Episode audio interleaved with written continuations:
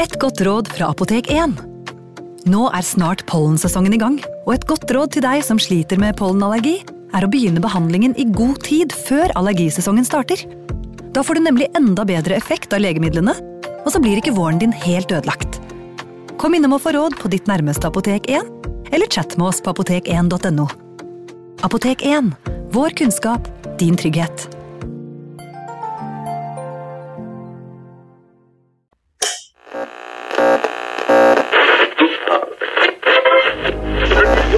Vi skal gjenta særmeldingen i dag. Nummer én Kjerringa er galen. Nummer to På ski over lyng og kvast. Nummer tre Baklengs inn i aftensangen. Baklengs inn i aftensangen.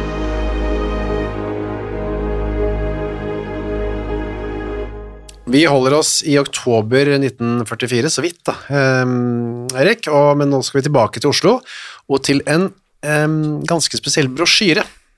Ja, den er unik på mange måter. Både fordi det ble vel kun gjort den ene gangen her, men også fordi den er eh, Ja, jeg vil kalle det at den er grotesk. Ja, men du har sett selve brosjyra, Ja. for den ligger i Riksarkivet eller noe. ja. Jeg fant den i, i for seg to forskjellige arkiver, eh, sperrede. Ja. Men eh, det som er spesielt, eh, er at jeg kunne ikke trykke de bildene i den brosjyren. Nei, ikke alle i hvert fall. Nei. Men Altså, det er jo ikke helt riktig, for det ene bildet her er jo det som er selve forsidebildet på boka di, Ja, De kalte og det jo, det er uh, sant. og Men, også på vår podkast. ja. men det som da virkelig er um, Eller blir lagt merke til i den brosjyren, det, Ja. er, eh, det er bilder som ikke kan trykkes. De er for ekle, rett og slett. Ja, det, ja, noen som jobber med sånn, vil sikkert si at det der er helt innafor, men det er måten det presenteres på okay. og forklares. Men vi kan komme til litt etter hvert. Ja, det er, eh, han- det er jo øh, Den brosjyren er, heter Historien, på en måte, om en angiver. I hvert fall det som er historien er at sånn gikk det med denne angiveren, pass deg så ikke det skjer med deg òg, ikke sant? Ja, altså hvis vi starter da og, og um, ser på i og for seg den, den første siden her, altså denne brosjyren ble da trykt opp for at man skal, skulle kunne distribuere den til skrekk og advarsel. Ja. Sånn går det hvis du er angiver, eller prøver å bli informant, eller komme deg på innsiden, infiltratør eller noe sånt. Mm.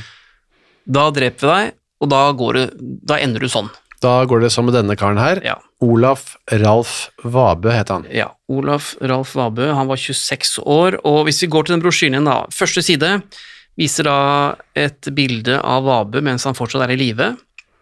Da står han foran en bygning. Han har på seg en lys dress, hvit skjorte og et mørkt slips, og han er en kjekkas. Men han har spaserstokk. Ja, og så holder han en sigarett da, i den venstre hånd, det gjorde jo alle på den tiden. Han har litt sånn, eh, sånn kjekkashår, altså gredd bakover, og som jeg har skrevet her, eh, og sånn som jeg ser i bildet, han er en eh, sjarmerende og flott mann. Han ser ut som, for mine øyne, ser ut som han er 45-50 år. Ja, det var han jo ikke. Han var 26, men må du huske på at eh, på den tiden her så var det om å gjøre å se.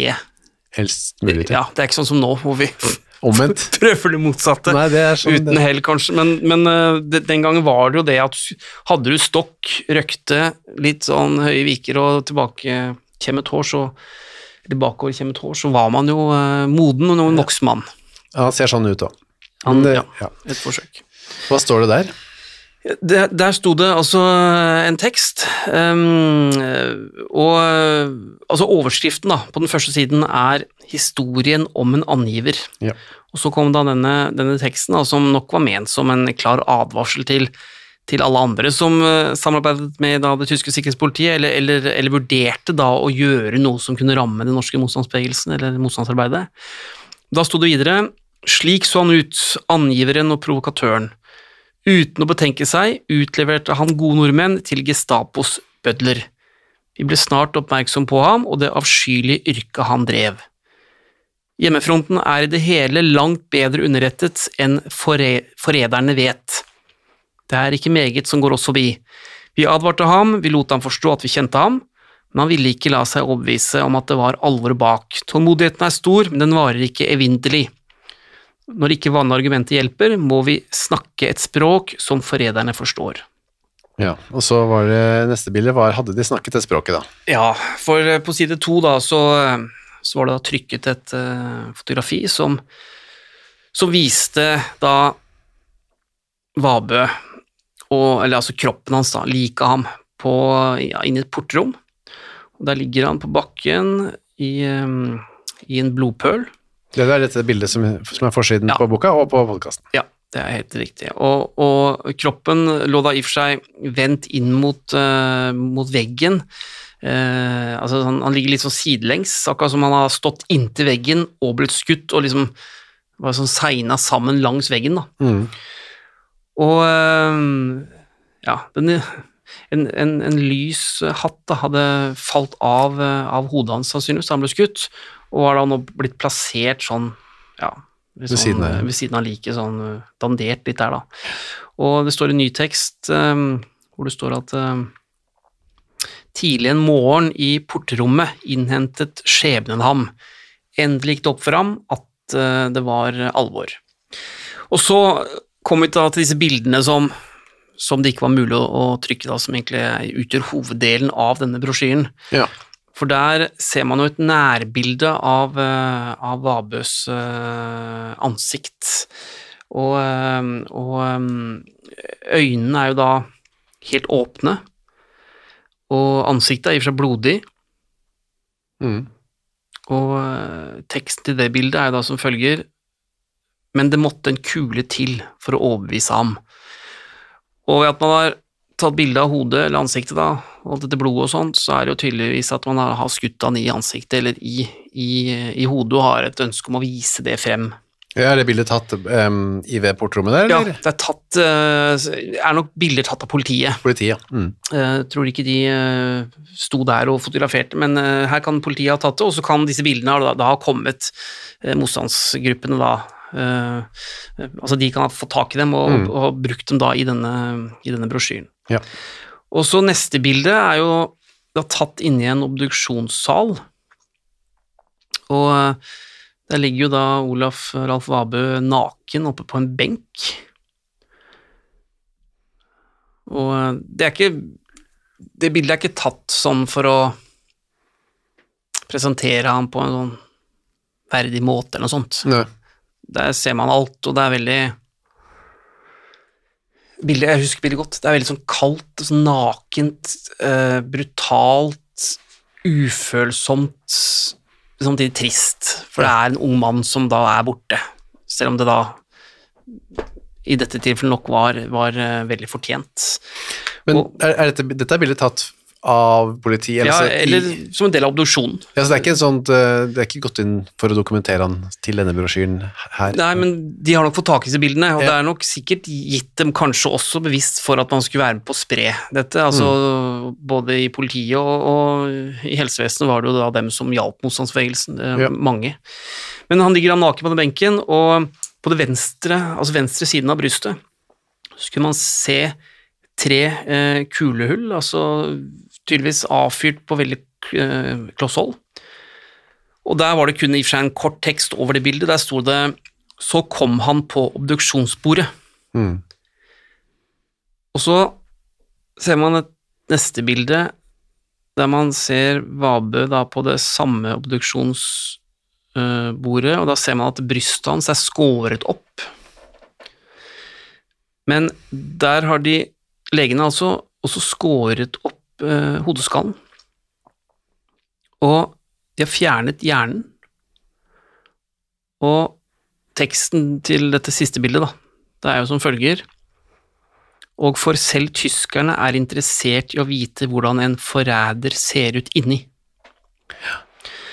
Og så er det da, på den siste siden av brosjyren, så er det ikke noe bilde, men der er det i og for seg en, en, en tekst da, som oppsummerer at eh, Bare si det kjapt, det er, altså, dette er ikke en brosjyre som man delte ut på gata, dette er en brosjyre som var til folk som man mistenkte var angivere, eller ja, jobba for tyskerne. det er nok tenkt for å sendes til, til dem som en advarsel. Man hadde jo mange måter å advare på, blant annet så sendte man noen sånne små kister i posten og, Ja.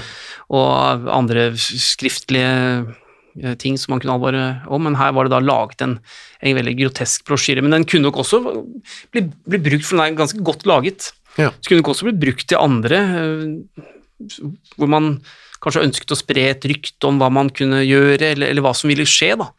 Så til det kunne være familie eller, eller omgangskrets da, til andre som jobbet for f.eks. Gestapo. Så ville det vært kanskje nyttig da å, å presse også familien til å, til å forstå alvoret, da, hva som kunne skje da med, med en eller annen informant eller, eller angiver. Mm. Denne gangen er det deg vi advarer, står det. Ja, eh, som en som oppsummering da, og, og vil du la deg overbevise med fornuftige argumenter, eller vil du også ha det på ditt eget språk? Ja.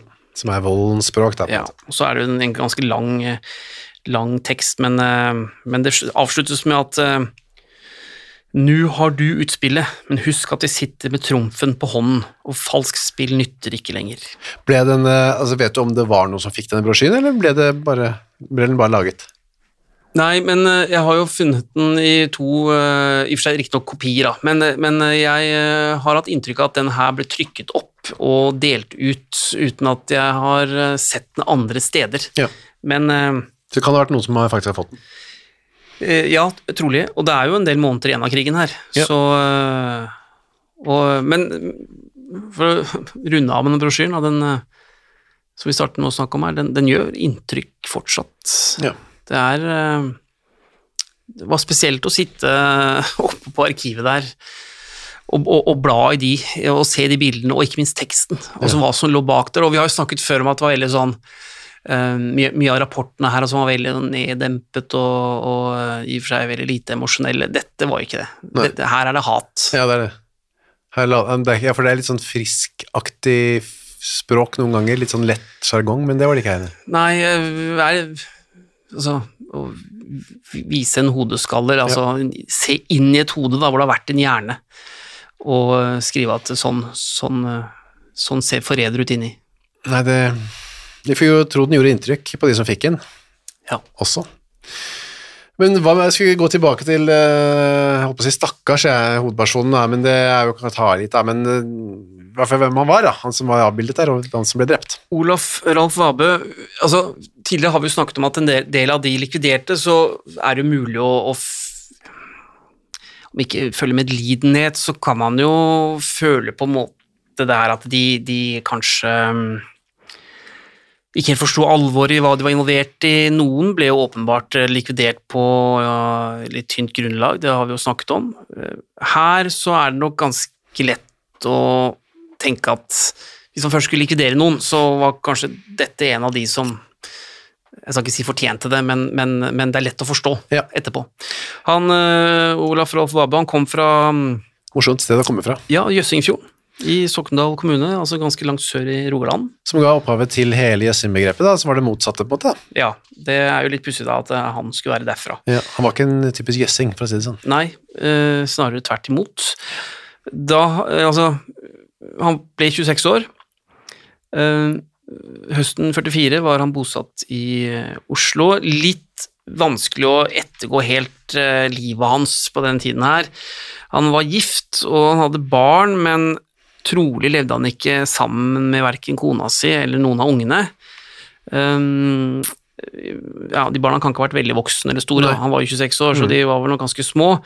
Men um, i den perioden her så er det, er det litt sånn vrient å, å finne ut hvor, hvor, hvor denne kona og disse barna er. Men selv bodde han i, i Toftes gate 57, det er i og for seg ved Sofienbergparken. På Grünerløkka i Oslo. Ja, og det er trolig med, med enten foreldrene sine eller noen andre slektninger.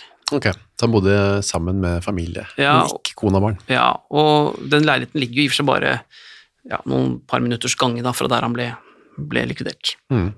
Han hadde en sånn spesiell fortid, da. Ja, i rapporten står det at den var omflakkende og rotete, denne fortiden hans Ja. da. Um, Før krigsutbruddet så ser vi at han, eh, han oppholder seg en, eh, en lengre periode i Italia, og ifølge da en intern internmiljørapport så var han der pleiesønn hos en homofil kunstner. Men det er litt uklart når dette her har skjedd da, men sannsynligvis da på 30-tallet en gang. Eh, Han eh, var en sånn kunstnertype, da. Ja. Musiker, eh, åpenbart også en talentfull fiolinist. Han spilte blant annet en eh, fiolinsolo eh, på Folkets hus i Bærum. Det skjedde i forbindelse med et arrangement sammen med Høvik Arbeiderungdomslag. Det er da 10. mars 1938, og det er i forbindelse med et sånt lysbildeforedrag om Panamakanalen. Eh, og denne solokonserten ble jo i og for seg også annonsert da i, eh, i arbeiderpressen. Mm. Så skjer jo det da etter at krigsutbruddet og okkupasjonen er i gang og, og alt det her, så um, melder jo da Vabu seg inn eh, i Nasjonal eh, Samling. Og det medlemskapet fant jeg registrert fra 15. mai 1941. Så han Ja. går inn av forholdsvis tidlig. Mm. Jobber i sikkerhetspolitiet en periode. Ja, han, eh, han får seg da jobb i det tyske sikkerhetspolitiet i Trondheim. Og der jobber han en periode for postsensuren. altså Han sitter jo da i og for seg som en, som en, eh, en ansatt tjenestemann da i, eh, i, i det tyske SIPO. Og, men han roter jo til her òg, fordi han blir jo anklaget etter hvert for underslag.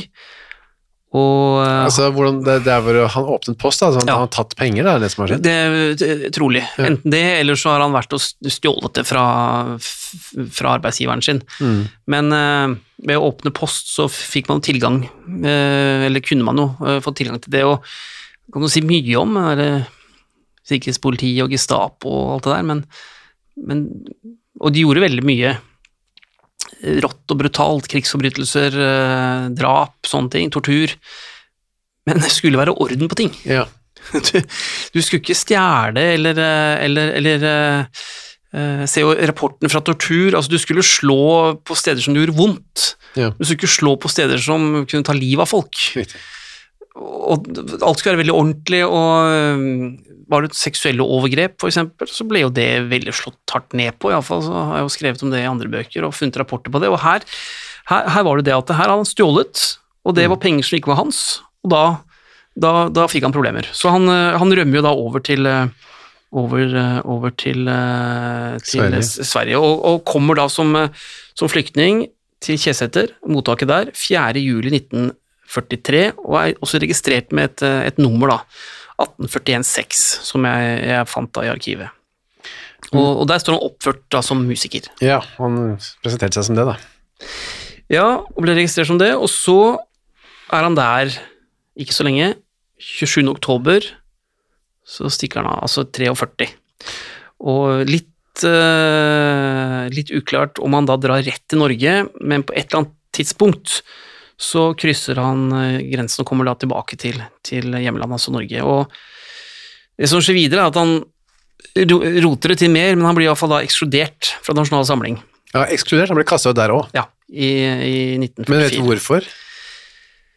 Nei, det er jeg faktisk usikker på. Jeg ser bare at han er ekskludert, men, men for å bli ekskludert fra NS, så Du ble ikke det av, av småtterier. Nei. Så det er åpenbart et eller annet som har, eh, har skjedd der. Og Han var jo litt, kan vi foregripe det, men han, og du har sagt det før, han er langfingra type. ja, litt langfingra, virker ikke helt sånn eh, Altså, han gjør noen valg. Er ikke, er kanskje ikke en sånn veldig taktiker. Nei. som helt skjønner hva som er smart. Altså, du blir kasta ut av det tyske sikkerhetspolitiet. Det skjer et eller annet på det mottaket som gjør at han stikker av derfra. Mm. så blir han kasta ut av Nasjonal Samling, så han, han er jo Han har sikkert mange venner, men, men han, han, han er også veldig upopulær da, i mange miljøer her. Han er god til å gjøre seg upopulær. Ja. Men han ga ikke opp liksom den siden eh, likevel, da. Han tvert imot. Nei, for um, til tross da for at han er ekskludert, så går han da på et eller annet vis tilbake i tjeneste for det tyske, tyske sikkerhetspolitiet. Ja, de tilga han på en Ja. måte. Ja, og denne ekskluderingen fra NS, den kan også forklares med at det var et spill. At han skulle bryte med dem nettopp for å kunne gå i tjeneste for, for Gestapo eller sikkerhetstjenesten igjen. Men dette, dette, er, dette er litt uklart, så, så det kan være flere forklaringer eh, på det. Men eh, Så begynner han jo jobben som angiver, da. ja, og eh, infiltratør greier etter hvert å komme seg på innsiden av motstandsmiljøet i Oslo-området. Ta kontakt med flere personer som er tilknyttet ulike former for illegal virksomhet. Han Det er, det er der jeg har dette inntrykket av at han er en sjarmør, en kjekk mann. For han, han, han gjør åpenbart et godt inntrykk, og eh, skaper uh, Skaper på mange måter da, et tillitsforhold da, til flere av disse personene. Ja.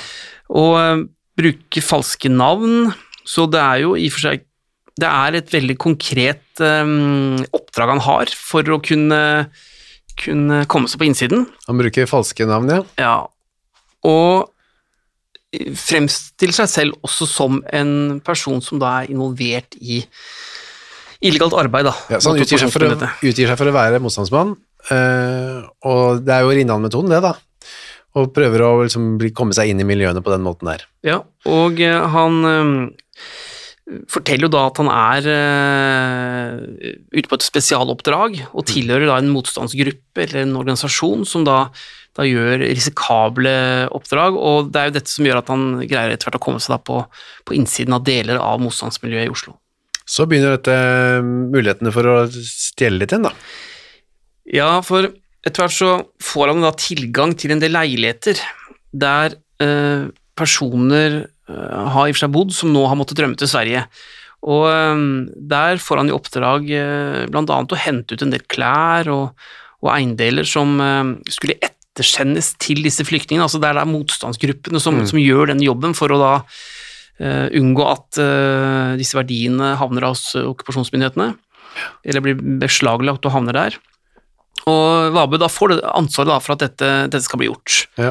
Men etter hvert da når man begynner å ettergå jobben han har gjort da fra, fra motstandsbevegelsens eller motstandsgruppenes side, så, så ser du jo at disse forsendelsene, altså disse eiendelene, har aldri blitt sendt til Sverige, Nei. slik han har eh, sagt det skulle, eller har blitt gjort, og som han trodde da var, eh, var utført. Og etter hvert så oppdager man da fra disse motstandsgruppene at en del, en del, eh, en del personer fra okkupasjonsregimet faktisk da går rundt med, med en del klær, altså kåper og, og dyre dresser og sånn, som de etter hvert, eh, kjenner igjen. Og dette var da klær som, som Vabu skulle ha sendt til Sverige, men som isteden da var gitt eller solgt da til, til personer eh, rundt eh, sikkerhetspolitiet, altså det tyske, og, og, og Nasjonal Samling. Så da eh, skjønner man at her er det noe galt med denne unge mannen. Det blir snakket om, og etter hvert så er det flere som sier at denne lojale, øh, stilige og, og pertentlige motstandsmannen egentlig ikke er den han utgir seg for å være. Man finner ut at han har gjort mer enn å bare ta klær og kåper og frakker og dresser. Ja, for etter hvert så har øh, det også kommet frem da, i rapporten her at han øh, har tatt øh, sigarettennere, gullsmykker og eksklusive kniplinger. Ja. som da var flyktningenes eh, private eiendeler. Og, ja, og i, de, i de rapportene som skrives om ham nå, så står det jo at eh, Vabu kort sagt hadde tatt alt som kunne omsettes i penger. Ja. Og så kommer det jo frem enda mer om han i rapportene som skrives, at han drikker mye alkohol, og at han særlig da i, i fylla blir oppfatta som eh, ja, ustabil Brutal. ja, øh, brutale og, og voldelige, og at han også forsnakker seg. Og han hadde jo også mm, i, i beruselse, da, øh, altså under drikking, sagt til andre motstandsfolk at øh, hvis de ikke gjorde som han sa, så skulle han melde dem til statspolitiet eller til, til det tyske sikkerhetspolitiet. Så, så han, er, han er jo ingen taktiker. Nei, han er ikke det. Nei. Uh, men han gikk opp. Nei, han fortsetter, og vi kommer jo da nå til forsommeren da, i 1944, og da, da har han funnet seg i et nytt miljø han, eh, han prøver seg på innen, innen motstandsbevegelsen. Han, han tar da kontakt med flere prester, Ja. og eh, da gikk det en del rykter om at eh, mange av prestene da skulle arresteres i en, i en ny, eh, ny storaksjon mot, mot kirken, og da tilbyr jo Vabø seg siden han fortsatt da hevder å være en del av motstandsmiljøet og har i og for seg ennå ikke blitt avslørt, at han skulle da hjelpe disse prestene og, og få dem i sikkerhet. Men da blir eh, det satt noen stopper for det, det blir sendt ut advarsler fra Milorg, eh, og, eh, og hvor man advarer mot Vabu, og han greier aldri å komme seg på innsiden da av, av, av ja, disse eventuelle fluktplanene som disse prestene kanskje hadde. Så da, utover sommeren eh, 44, så er det flere og flere innen Milorg som skjønner at eh, denne Vabe er eh, informant, en angiver kanskje? Ja, og det, det som er litt enda altså, Som gjør at man liksom lurer litt på hva tenkte han med, egentlig? Ja. Eh, hva, hva, hva tenkte han på? Det er jo at han i tillegg da til å utgi seg for å være motstandsmann, og har da åpenbart greid å komme seg på innsiden, så, så driver han da og er på fester med, med, med personer som, eh, som tilhører da Gestapo og, og Waffen-SS. Altså topper innen Tyskland. Ikke sant? Mm. Og, og gjør ikke det på en sånn veldig sånn eh, skjult måte. Han, eh, han eh, er da på fest med en del SS-soldater som tilhører livvaktstyrken til Josef Terboven, eksempel. Ja. Sånn at og, og det er jo sånne tilstelninger som motstandsmiljøet også fulgte med på. Ja. Om ikke de var til stede, så fulgte de iallfall med på hvem som gikk inn og ut og sånn. For det her var interessant å se hvilke nordmenn som var der. ja. Ja, og da fremstår det som ja, litt sånn Dumt. dumt ja, å gjøre det.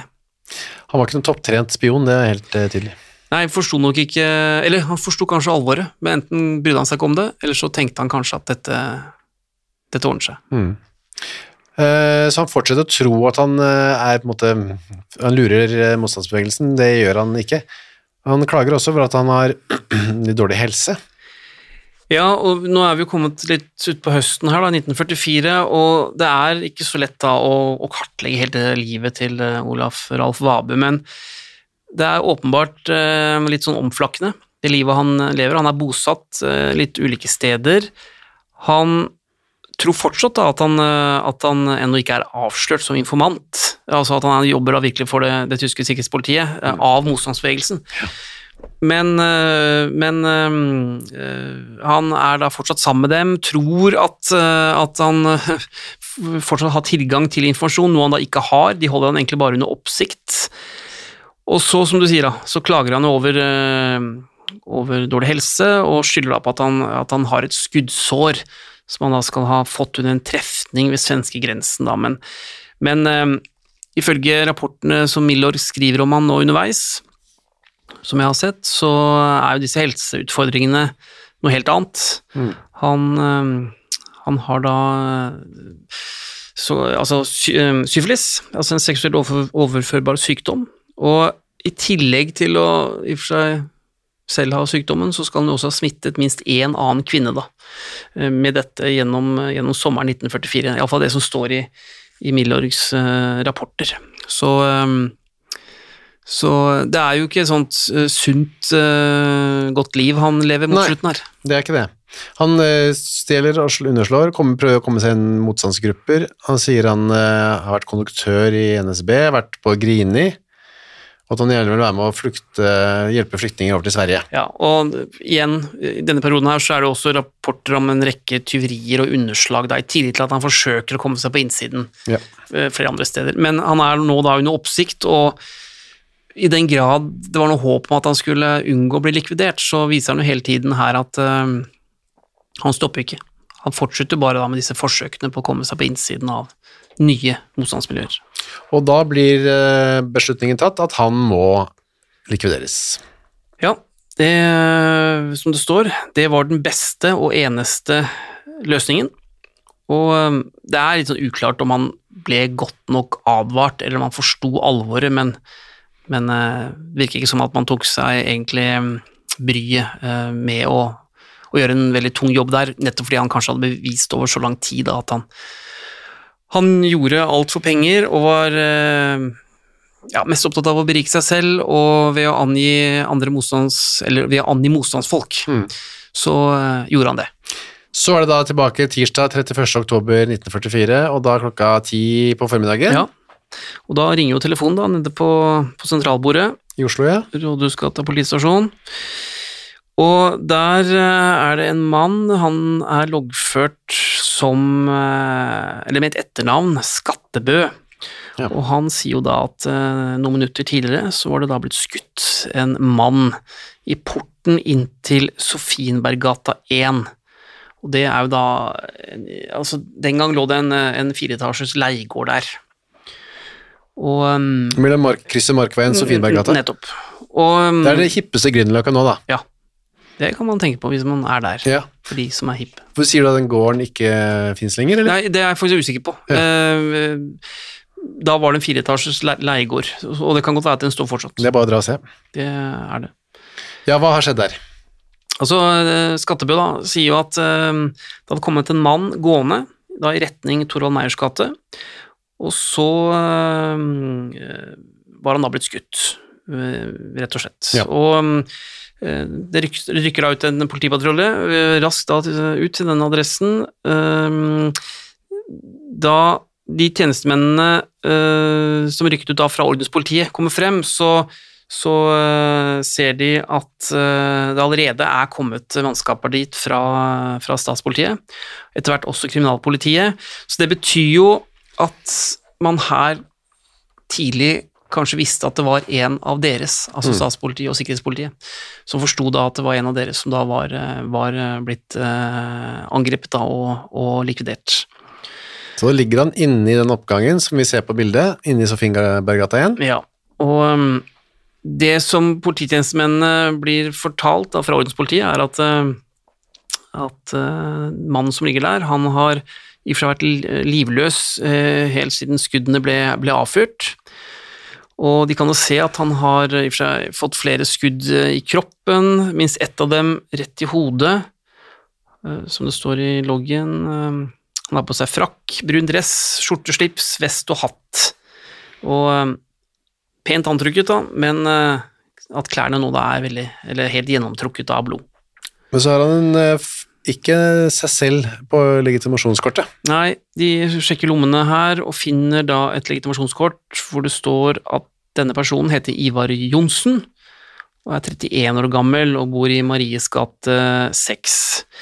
Og så finner de en eh, dokumentmappe ved siden av eh, den døde her med en del propagandamateriell fra Nasjonal Samling. Så og det er det funnet da, som gjør at eh, tjenestemennene fra ordenspolitiet eh, raskt konkluderer med at de her står overfor et politisk attentat, men de skjønner ikke helt hvem Ivar, Johansen, Ivar Johnsen er. Nei. Og eh, det er loggført ganske tidlig som, som eh, uklart da for, uh, for disse tjenestemennene, fordi det navnet er ikke noe som ikke etterlyst, han er ikke kriminell, altså det er, det er et ukjent navn for dem. Men det er to vitner som de snakker med. Ja, og der er det statspolitiet og kriminalpolitiet som er inne, og, og ved at de kom så tidlig, som jeg nevnte, så kan det være at de har hatt mistanke om at det var noe annet Ja. uh, enn et uh, ran eller et uh, ordinært drap. Så de snakker med, med to kvinner, da, to vitner. En av dem står det Hun kalles fru Nordli, og så er det en frøken Randi jo Johansen. Hun er 22 år, og fru Nordli er 51 år. De bor da begge i denne bygården da, i Sofienberggata 1. Og det de hadde sett, da De hadde, de hadde sett dette her. De hadde fått med seg at uh, den mannen som kom gående, som da man tror heter Ivar Johnsen, men som da egentlig er Olaf Ralf Vabø, han hadde da kommet uh, gående. De uh, hadde sett at han ble møtt av en annen mann som hadde enten skjøvet eller dratt han med inn gjennom porten, som da gikk, gikk inn til bygården fra gaten. Og um, denne mannen som gjorde det, han hadde hatt på seg vanlige arbeidsklær, altså en eller annen form for en kjeledress eller, eh, eller noe sånt, og hadde hatt en eh, alminnelig lue på hodet, så han var ikke sånn staselig antrukket da med dress og, og hatt og sånn. En sånn fabrikkarbeideraktig Ja, mer, eh, mer sånn. Uh, mannen som ble drept, altså Vabø, ville da åpenbart ikke være med inn på dette her. altså Han ville ikke være med inn til bygården og hadde forsøkt å stritte imot, men, men ble da ganske bestemt og i og for seg nærmest brutalt skjøvet eller dratt med inn dit. Og vel innenfor porten så hadde de hørt minst to skudd. Og så, ja, etter noen sekunder, så hadde de sett da denne mannen i kjeledress komme gående rolig ut av, eh, av porten og, og fortsatte å spasere langs uh, fortau da, eh, i retning Markveien, på en veldig rolig, rolig måte. Og disse to kvinnene, de, de eh, presiserte jo at eh, de ikke kjente noen av de de to mennene, verken den som ble skutt, eller han som åpenbart hadde gjort det. Nei.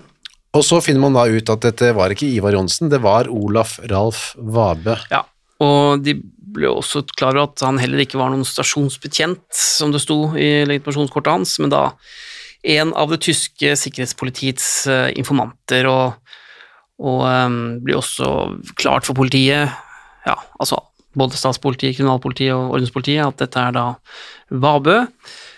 Og um, man bestemmer seg for at det skal ikke offentliggjøres noe særlig om denne aksjonen eller dette, denne hendelsen eller likvidasjonen, da. Og eh, helt stille om det i avisene, bortsett fra at det blir da noen dager senere meldt at Olaf Ralf Vabø er død, i en sånn offentlig oversikt da over dødsfall. Men eh, det står ikke noe, står ikke noe mer der, eller eh, Ikke noe om hvordan eller hvorfor eller noe. nei. Nei, så det kommer ikke frem. Men motstandsbevegelsen eh, sender ut en liten eh, melding her. De sender ut en, eh, en eh, såkalt eh, parole, hvor de sier at de Og det, det er nok etter at de har fått med seg at disse kvinnene snakket med politiet etterpå. Og der står det at alle som ser eller blir da vitner til en likvidasjon eller en sabotasjeaksjon som er da utført ut i offentligheten, enten ved at de har sett det eller har vært i nærheten når det skjedde, eller noe slikt, må komme seg bort fra området så snart som mulig. Og det bør helst skje lenge før politiet ankommer der den døde fortsatt ligger. Og da unngår man å måtte la seg eh, avhøre av politiet, og unngår også gjennom vitneforklaringer, som de da kanskje etter hvert blir tvunget til å, å, å, å- gi, da, bidra til at um, likvidasjonslaget da, eller, eller motstandsgrupper blir, eh, blir avslø- av- avslørt. Men ble morderen i den grå kjeledressen avslørt? Altså, Ut fra rapporten da, så er det jo åpenbart at den er gjennomført av én person, sannsynligvis flere som har uh, jobbet rundt her, Ja. som kunne håndtere slike oppdrag og hadde en eller annen form for erfaring med det. Mm. Og grunnen til at man kan si, si det, er jo måten det gjennomføres på. Det er noe med roen over det. Folk som har drept noen på et offentlig sted, forsøker gjerne å komme seg unna så raskt som mulig. Mm. Denne personen gikk rolig bort nettopp for å ikke vekke oppsikt, selv om han visste at det var avført skudd. Og samtidig så er det noe med denne brutal, eller brutaliteten som da åpenbart gjennomføres på en litt rolig måte, Ja. og at det skjer i dagslys, øh, man har ventet på den personen, så det er så åpenbart noe spaning inne her, altså det er, det er flere sånne ting. Og da var det ikke uendelig med mange mennesker som kunne Nei, vært og, men det som er, vi har jo vært borti Andreas Aubert og Henrik Henriksen tidligere, de er på dette tidspunktet i Sverige. Ja. Så de kan ikke knyttes til akkurat denne likvidasjonen. Det vi vet, er at de to medhjelperne deres, som har vært med på flere lignende aksjoner, altså Jakob Jacobsen og Erik Hansen Bakke, de er i Oslo på dette tidspunktet. Og en av ø, deres oppgaver, eller stående ordrer, det var å videreføre virksomheten til denne operasjonsgruppen da ved navn Buzzard, Mm. som da Henriksen og Bær var en del av, eller var, utgjør hoveddelen av. Mm. Så her er det faktisk litt uklart hvem som utførte denne aksjonen, men det er grunn til å anta at det var en av de to. Ja, men politiet og tyskerne fikk ikke greie på det, Nei. så de kom seg unna. Og i likhet med de aller fleste likvidasjonene, så ble også denne aldri, aldri oppklart. Nei. Men han ble, som du har sett det fotobeviset, obdusert. Ja. Babbe. Der står det at han var en velbygget eh, ung mann, 173 cm høy og eh, 65,4 kilo veide han. Eh, På bildene så ser man jo at han fortsatt har blod i deler av ansiktet. Du ser en del blod rundt neseborene og rundt munnen. Og så viser obduksjonen at han da var truffet av to skudd i, i hodet. Det ene skuddet hadde gått inn under det høyre øyet og avfyrt litt på skrått, tydeligvis, for det hadde gått ut gjennom eh, den venstre siden av bakhodet, altså tvers gjennom hodet.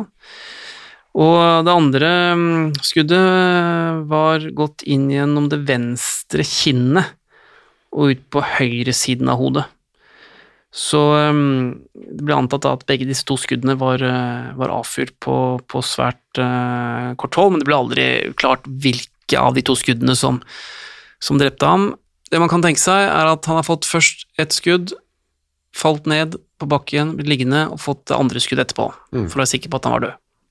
Noe han var. Det var han, ja. Men gravleggelsen og alt dette som vi har sett mange ganger før, ble liksom omtalt i pressen og masse kranser og ministerpresidenters hilsen. Det, sånn var det ikke her. Nei, her um, Det har vært vanskelig å finne den graven. Um, det, så det er, det er uklart uh, hvor Oralf Ralf Vabe ble gravlagt. Han fikk noe off offentlig papirer på det. Det virker også som om den gravferden fant sted i all stillhet, ikke omtalt noe sted i noen aviser, og her er det jo et eksempel på en likvidasjon som bare forsvinner ut i mørket uten at noen skal vite om hva som har skjedd. Og eh, Til denne brosjyren dukket opp da i postkassen til noen som kanskje ble litt eh, svetta av det. Mm. Det er jo sånn, hvis man sammenligner med en del av de andre da, som iallfall ble minnet og, Ja. og, og, og hedret for sine liv og sine familier og sånn, så, så, så skjer ikke det her. Det var kanskje flere grunner til det. Det kan- virke sånn. Ja, ja. Da lukker vi den brosjyren. Jeg er litt glad jeg ikke så de bildene. De er sterke nok når du forteller om dem. Ja, det gjorde inntrykk. Neste gang er det en eh, lang og god historie fra eh, Luksefjell. Ja, den, Vi, skal, til skogs, eller i hvert fall på en liten hytte. det skal vi. Men eh, det blir først neste uke.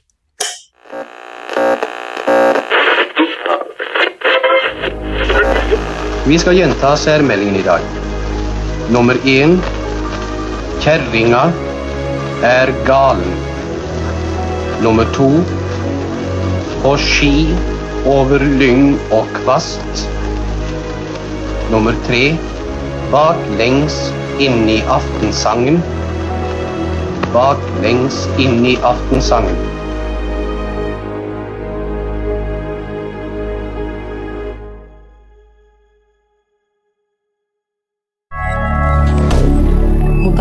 Media. Har du et enkeltpersonforetak eller en liten bedrift? Da er du sikkert lei av å høre meg snakke om hvor enkelt det er med kvitteringer og bilag i fiken, så vi eh, gir oss her, vi. Fordi vi liker enkelt. Fiken superenkelt regnskap.